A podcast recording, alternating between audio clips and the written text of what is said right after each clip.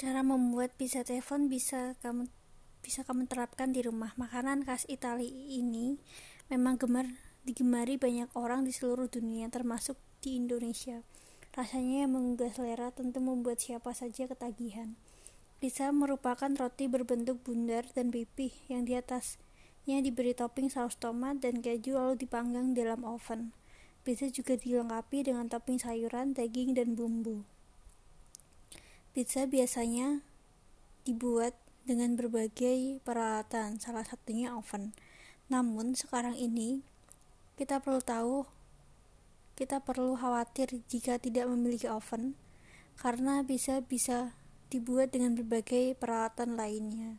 Salah satunya dengan teflon. Cara membuat pizza teflon tidak begitu sulit dipraktikkan.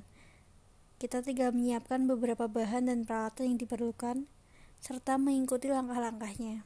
Namun juga bisa memilih beberapa bahan yang dibutuhkan agar sesuai selera.